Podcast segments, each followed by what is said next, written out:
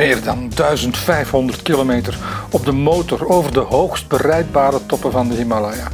Het klinkt avontuurlijk en dat is het natuurlijk ook. Het roept beelden op van stoere mannen die onversaagde elementen trotseren op hun stalen ros. Je ziet het zo al voor je geestesoog. Mannen van sta vast, voor geen greintje vervaard, die over stoffige bergwegen de haarspeldbochten trotseren, voor wie aardverschuivingen een peulschil zijn en die met gevaar voor eigen leven met de motor rivieren oversteken.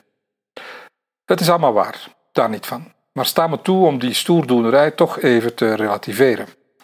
Ik gids namelijk op dit moment een groepje van Vlaamse motorrijders over de Himalaya. En ik wil u even een eerlijke kijk achter de schermen geven, ontdaan van alle valse romantiek. De dag voor de gasten zouden arriveren in Manali, het vertrekpunt van onze tocht en liggend aan het begin van de machtige Himalaya, nam ik de motor om even snel wat inkoop te doen in het stadje. Het had die nacht geregend en de appelgaarden lagen er groen glinsterend bij. Langs de kant van de weg zaten de boeren en boerinnen de appeloogst van die ochtend te venten. Kleine blozende appeltjes gepakt in kistjes die gretig aftrek vonden bij de Indiaanse toeristen die elk jaar dat ik hier kom in aantal toenemen. De eerste keer was 16 jaar geleden en toen zag je nauwelijks nog lokale toeristen hier in Manali. De paar guesthouses die hier toen waren, werden voornamelijk bezocht door neo-hippies en Israëlische ex-soldaten die hier het einde van hun dienstplicht kwamen vieren met veel alcohol en marihuana. Waarom ze precies naar hier kwamen om hun afzwaaien te vieren, is me nog altijd een raadsel. Intussen heb ik veel zien veranderen in India. Minder armoede, zeker, hoewel het er voor het ongetrainde oog nog altijd erg arm zal uitzien.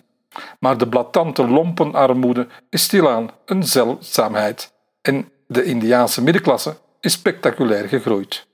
En dus ook het binnenlandse toerisme. Met hun kleine auto's ontvluchten veel Indiërs nu in de zomer de moessonregens en de verstikkende hitte van Delhi en Centraal-India om de koelte van de Himalaya op te zoeken. Het was achter zo'n klein autootje dat ik hing die ochtend toen ik in de stad wilde bezoeken.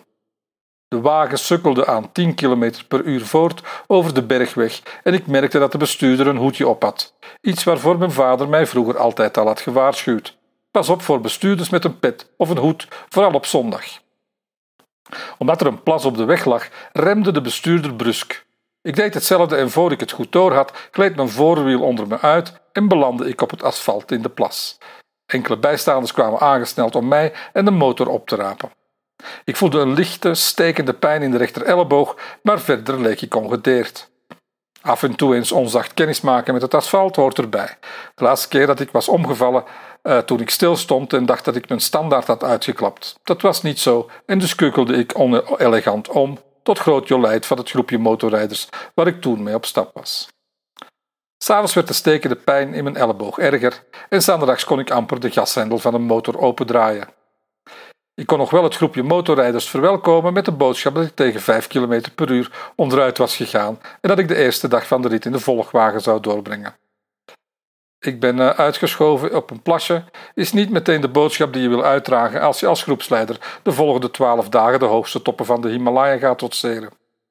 De dagen nadien ging het gelukkig beter, met grote dank aan Voltaren crème, wat me, om de sfeer erin te houden, regelmatig deed uitbarsten in een ode aan Voltaren op de tonen van de hit Volare. En zo sukkelde deze stoere motaar van de Aldi dus de bergen over, overdag veel praats en s'avonds de pijnlijke arm, nek en rug insmerend met zalf. Toen de tocht uiteindelijk achter de rug was, besloten we met de groep om dat in Lee te vieren met een diner. Toen ik uit de taxi stapte, echt waar, kletterde ik gelijk met mijn knie en de langzaam helende elleboog in een betonnen greppel. Toen ik bestoft terug uit de greppel kroop, staarde ik de zes met ongeloof gevulde gezichten van mijn groep aan. Ik kon zo in hun ogen lezen wat ze dachten. Dat we met deze sukkel de Himalaya zijn overgestoken, is werkelijk een mirakel. Ik kan hen alleen maar gelijk geven.